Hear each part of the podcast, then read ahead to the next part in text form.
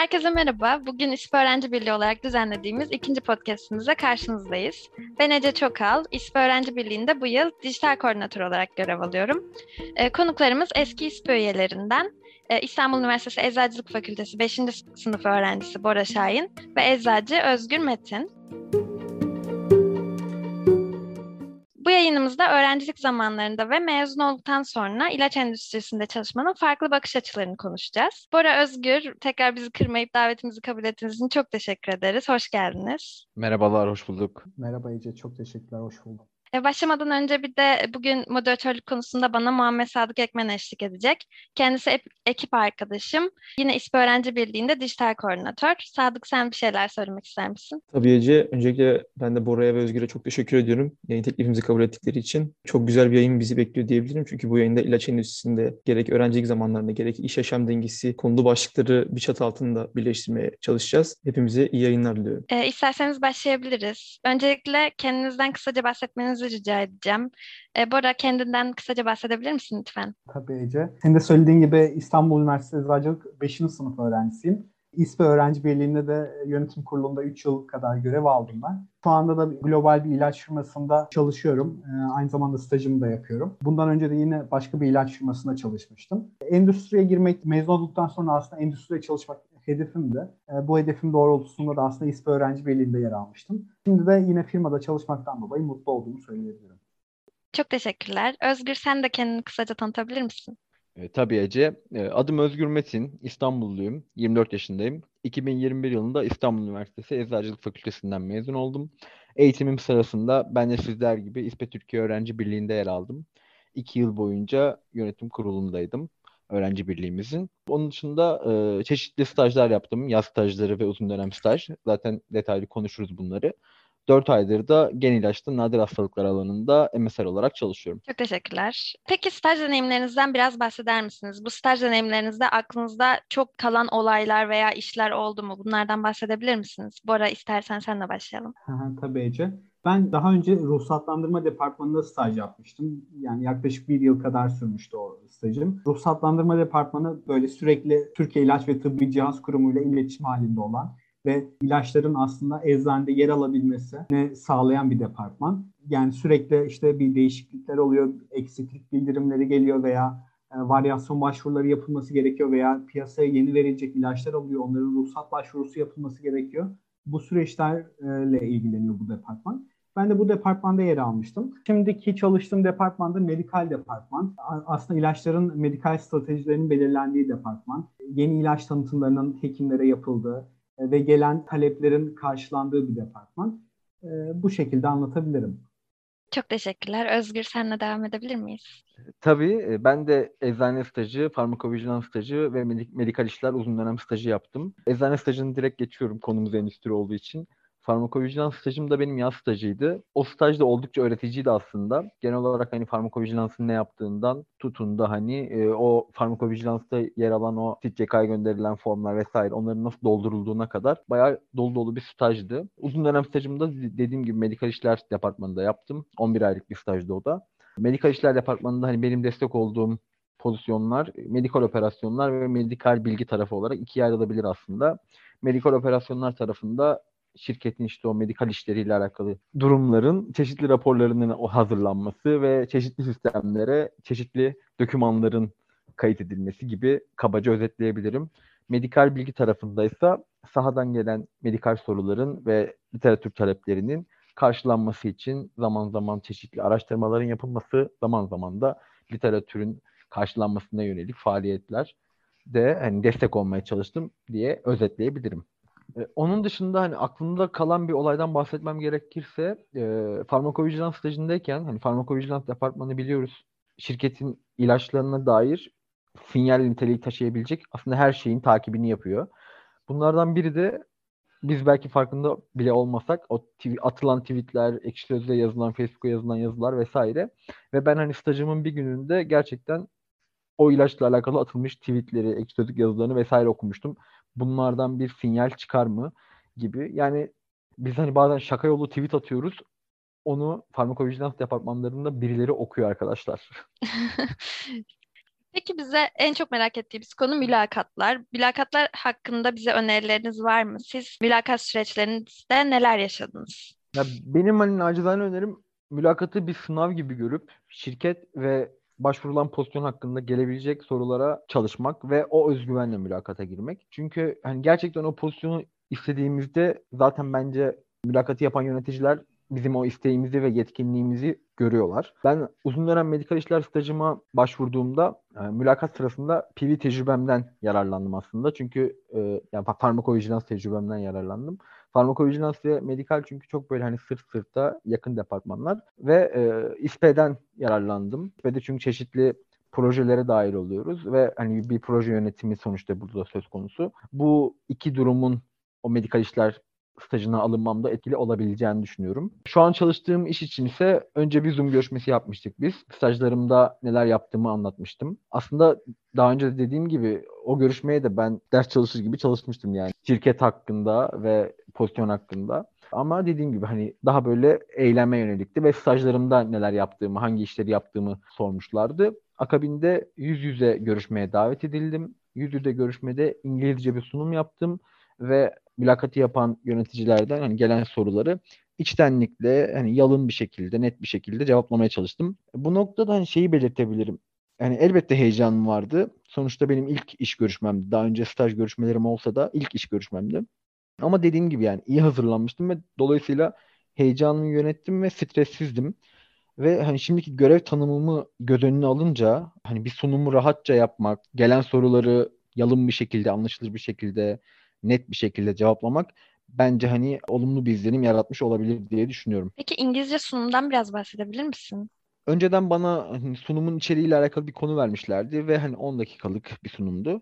Sonrasında bir iki soru oldu İngilizce. Onları cevapladım. O şekildeydi. Özgür bazı durumlarda bazı firmaların işte bu verilen 10 dakikalık süreyi tam doldurma gibi böyle bir gereklilikleri olabiliyor. Bu noktada o süreyi en azından tam olarak yetiştirme gibi bir senden talepleri oldu mu yoksa maksimum 10 dakika şeklinde bir sınırlama koymuşlardı? Maksimum 10 dakika şeklindeydi. Ya yani dakikayı da açıkçası çok hatırlamıyorum yani 7-8 de olabilir ama bir hani sınır vardı ve ben ona bağlı kalmaya çalıştım.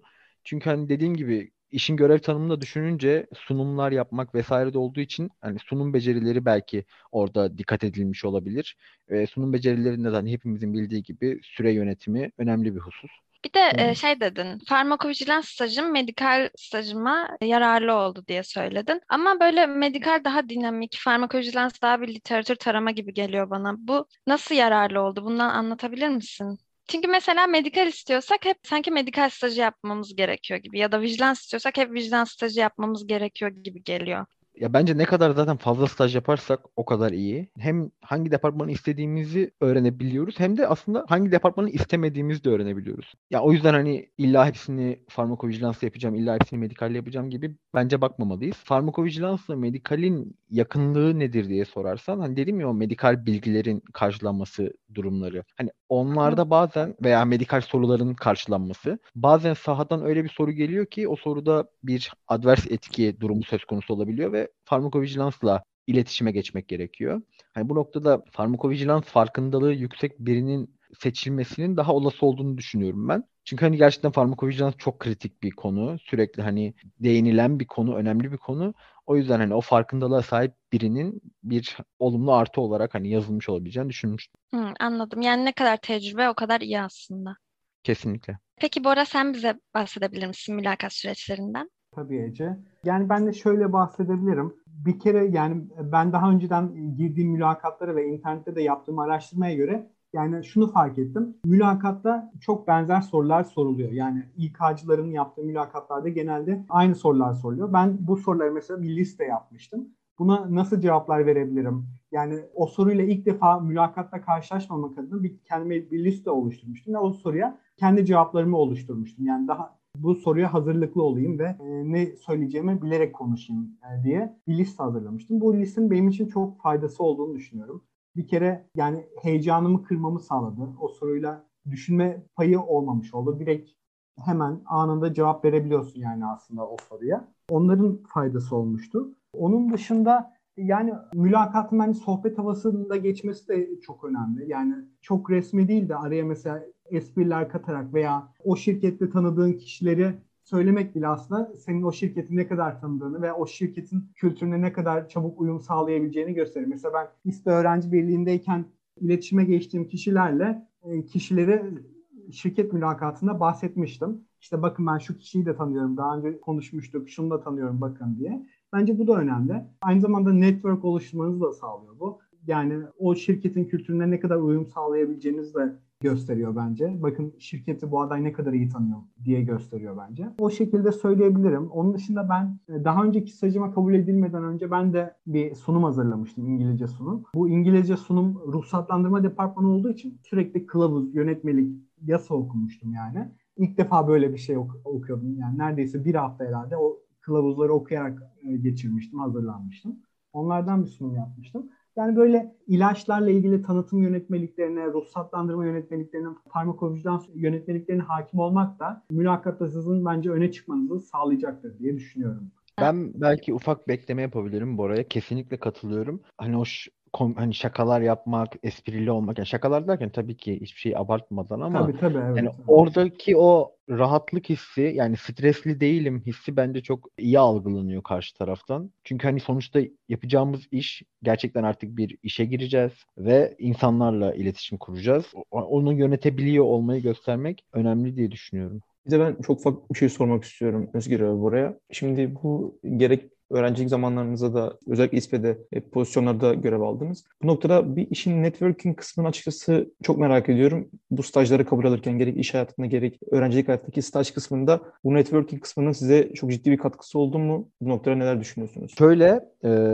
açıkçası İSPE, İSPE'nin çağırdığı, İSPE'nin davet ettiği konuşmacıların hani seminerlerden sonra o konuşmacılarla LinkedIn üzerinden bir bağlantı kurmak veya o şirketle bir görüşmemiz olduğu zaman sonra işte o konuşmacılara mesaj atmak ve onlardan bilgi almaya çalışmak bence pozitif bayağı. Yani ben stajıma nasıl başladım dersek İstanbul Üniversitesi'nde bir network durumuyla oldu diyebilirim. Benim staj yaptığım şirkette bizim üst dönemimiz bir arkadaş okulumuzda verilen işte 360 derece eğitim programı var biliyorsunuz. O programda benim bir üst dönemimdi aslında. Onun stajı bittikten sonra hani böyle bir staj açığı var, stajyer aranıyor deyip yine 360 derece eğitim programı WhatsApp grubuna ilanı iletmişti ve o şekilde hani ben başvurmuştum. Daha sonra da tabii ki hani bizim okulumuzdan çok memnun oldukları bir stajyer örneği varken yine bizim okulumuzdan bir stajyere sıcak bakmış olabilirler. Ve o arkadaşla da hani çok fazla zaten iletişmiştik mülakat sürecinde. Hani ondan çok fazla tüyolar vesaire almıştım.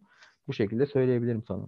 Ben de şu- şunu söyleyebilirim. Yani network gerçekten çok önemli. Çünkü ben de şu anda çalıştığım işi aslında ne- network sayesinde buldum. Ee, nasıl buldum? Ben de yine 360 derece fakültemizin e, ders olan 360 derece programı sayesinde buldum. Mentörlük programı sayesinde buldum. O dersteki benim mentorum şu an çalıştığım şirkette çalışıyordu ve şirketin böyle bir ilan yani boş pozisyon olduğunu ve şirketin arayış içinde olduğunu bana haber vermişti. Ve bu ilan da e, internette de bir ilan yayınlanmamıştı aslında bu pozisyonla ilgili. Değerlendirmek istersen seni önerebilirim e, ben demişti. E, Ben de tabii dedim, çok sevinirim dedim. Ve aslında öyle mülakatlara girdim ben. Yani ne- network kurmanın böyle özellikle iş ilanlarında veya yeni boşalacak olan bir pozisyon dahil olma konusunda çok önemli olduğunu düşünüyorum. Bir de bana hep şunu derler yani ilaç sektörü çok küçüktür. Yani tamam e, bir sürü şirket var, bir sürü çalışan var ama çok küçük bir sektör. O yüzden herkesle aranı iyi tutarsan ve iyi ilişkiler kurmuş olursan öncesinde de mutlaka e, yükselirsin veya mutlaka daha iyi kapılar açılır sana gibi şeyler de söylemişlerdi bana. Ben gerçekten bunu görüyorum yani şimdi. Mutlaka network kurmanın öneminde görüyorum şimdi. Çok teşekkür ederim. E, Bora, sen öğrenciyken tam zamanlı işe başladın ve biz bunu nasıl yürüttüğünü çok merak ediyoruz. Bu süreçte neler yaşıyorsun? Tez yazımı ile birlikte işini nasıl yürütüyorsun? Bize bahseder misin? Tabii Ece. E, Yani aslında 5. sınıf olduğunuz zaman ders sayınız azalıyor. Benim şu anda aldığım 3 tane ders var. Artı bir tane de bitirme projem var.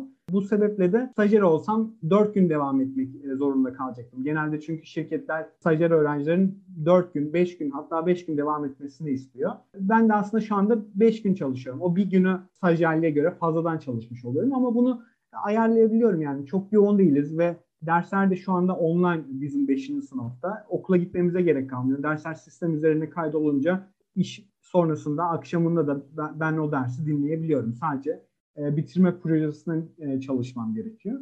O projeye de e, yani şu an tam olarak zaman ayırmıyorum. Henüz başlamadım ama araştırmalar yapıyorum, literatürler okuyorum. Yani e, bir şekilde gidiyor. Bu tempoya alışınca aslında bir şekilde götürmeye de alışıyorsunuz ve aslında müdürünüz de, yöneticileriniz de sizin öğrenci olduğunuzu bildikten sonra size tö- tolerans gösteriyorlar. Yani sonuçta benim öğrenci olduğumu bilerek beni işe kabul ettiler. Ben de sınavım olduğunda öncesinde onlara haber veriyorum veya dersim olduğunda okula gitmem gerektiğinde onlara öncesinde haber verdiğimde bir şekilde ayarlanıyor yani.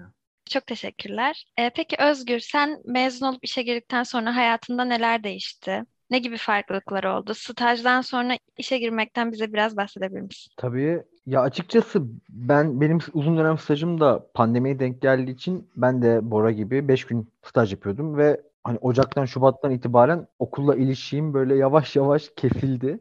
Ve hani öğrencilik bitti bir anda iş hayatı başlıyor gibi keskin bir geçişten ziyade daha böyle hani yumuşak bir geçiş oldu o süreç. Onun dışında şey diyebilirim. Zaten hani benim stajım Ağustos ayında bitti. Uzun dönem stajım akabinde bir iki hafta sonra da şu an çalıştığım şirkette işe başladım.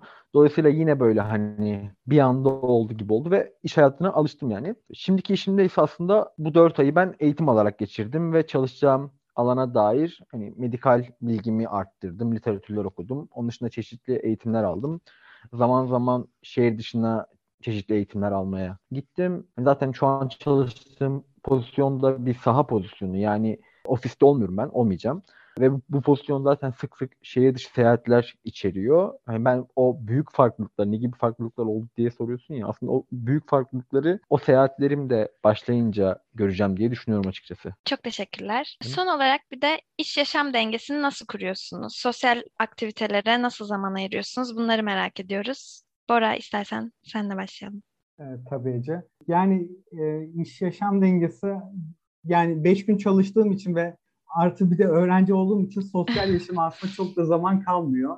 E, ben de isterim zaman ayırmayı ama e, olabildiğince sosyal faaliyetlerimi hafta sonu yapmaya çalışıyorum. Çünkü hafta içi zaten gündüzleri çalıştığım için akşamları kendimi yorgun hissediyorum ve aslında biraz daha ders çalışmam gerektiğini düşünüyorum. O yüzden hafta içi genelde pek bir şey yapmıyorum ama hafta sonu özellikle cumartesi günleri, ertesi günde pazar olmasının verdiği rehavetle çıkıyorum, etkinliklere katılıyorum. O şekilde ama pazar günü öğleden sonra bir stres başlıyor yarın pazartesi diye. Öyle söyleyebilirim. Çok teşekkürler. Özgür peki sen? Dediğim gibi ben de henüz eğitim aşamasını yeni tamamladığım için herhangi böyle iş yaşam dengemi bozacak bir durumla karşılaşmadım bu süreçte ben home office çalıştım. Yani zaman zaman evden sıkılıp ofise gittiğim oldu veya çeşitli kafelerde oturup orada çalıştığım oldu. Ama ben ertesi gün iş var diye aslında hani herhangi bir sosyal etkinliği ertelememeye çalışıyorum. Geçen sene hani stajdayken bir dönem Bora gibi düşünüyordum. Sonra e, hayatın cuma ve cumartesiye sığmayacağını fark ettim. e, o yüzden hani salı mı, çarşamba mı hani ne varsa arkadaşlarımla buluşmak için illa hafta sonu beklemiyorum yani. Herhangi bir sosyal etkinlik bulduğum zaman ertesi gün iş var deyip ertelememeye çalışıyorum. Teşekkürler. Ee, son olarak bize yani ilaç endüstrisinde çalışmak isteyen eczacılık öğrencilerine ne gibi tavsiyeleriniz olur? Ee, Bora. Tabii Ece. Yani olabildiğince fazla departman görmeyi ve e, hedefi öğrencilik döneminden öğrencilik döneminde aslında koymak gerektiğini düşünüyorum. Önünüze hangi fırsat çıkarsa çıksın mutlaka değerlendirin bence. Yani belki ruhsatla ileride çalışmak istemiyorsunuz ama şu an ruhsattan kabul aldınız, staj kabulü aldınız diyelim. Mutlaka bence bu fırsatı değerlendirin. Çünkü hem size firmayı tanımanızı sağlar, hem sektör hakkında bilgiler kazanmanızı sağlar, hem aslında belli bir iş disiplini kazanmanızı sağlar bence bu disiplin bence önemli. Yani çünkü belli bir disiplinde ilerlemezsen yani hayatı daha da zorlaştıracağını düşünüyorum ben. Çünkü mesela işleri aksatırsan hem yani belki bir eleştiri alabilirsin yöneticiden veya akşam yapabileceğin bir etkinliği yapmamana sebep olabilir bu işin uzaması. O yüzden yani bence disiplin kazanmak ve tecrübe kazanmak iyi olur. Olabildiğince mülakata girmeyi ve staj fırsatları araştırmayı deneyin derim. Benim de önerim mümkünse uzun dönem stajını ileride çalışmak istediğiniz departmanda yapmanız aslında. Ya biliyorum hani bunu bilmek çok zor geliyor insana yani hangi departmanda çalışacağım veya hani onu bulduğumuzu düşündüğümüz zaman o departmana dair bir staj ilanı bulmakta bazen zorlanabiliyoruz. Ama hani bunun için Bora'nın dediği gibi önümüze çıkan staj fırsatlarını değerlendirmek gerekiyor ve o stajdayken çeşitli departmanlarla e, çalışan insanlarla konuşmak, gözlemlemek, okulumuzda düzenlenen seminerlere, konuşmalara katılmak ve yine 360 derece eğitim programı daha önce de bahsettik. Çok değerli program gerçekten. Bu programlar ve seminerlerden sonra aslında hani olabildiğince hangi departmanda çalışmak istediğimizi bulup uzun dönem stajımızda o departmanda yaptığımız zaman gerçekten şeyi fark ediyoruz yani ben bu departmanda çalışmak istiyor muyum? Bana uygun mu? Yoksa değil mi? E ben de mesela bu durum ben 360 derece eğitim programından sonra medikal departmanda çalışmak istediğime emin gibiydim biraz. Diğer bütün departmanları da gördük çünkü ve bana en yakın medikal geldi. Akabinde şanslıyım ki bir medikal işler stajı yapabildim ve gerçekten uzun bir stajdı. Haftanın 5 gün çalıştığım yoğun bir stajdı yani. Ve sevdiğimi de fark ettim. Hani bu alanda çalışabileceğimi aslında emin olduktan sonra MSL olmaya dair iş ilanlarına başvurdum ve bu şekilde yürütmeye çalıştım süreci. Arkadaşlar da bu şekilde yaparlarsa her şey biraz daha kolay olabilir sanki. Çok teşekkür ederiz. Sadık senin eklemek istediğin bir soru var mı? Benim eklemek istediğim bir şey yok. Ben Bora ve Özgür'e cevapları dolayısıyla çok teşekkür ediyorum. Benim çokça öğrendiğim, tahmin ediyorum ki dinleyicilerine çok da öğreneceği bir podcast yayını oldu. Ben şu noktada şöyle bir şey söylemek istiyorum. Siz bu konu hakkında ne düşünüyorsunuz? Eczacının sektöre, sektörün de eczacıya çok ciddi bir ihtiyacı var. Sizlerin bu noktadaki düşüncelerini isterseniz böyle çok ufak anekdotlarla rica edebilirsem çok sevinirim. Ben katılıyorum sana.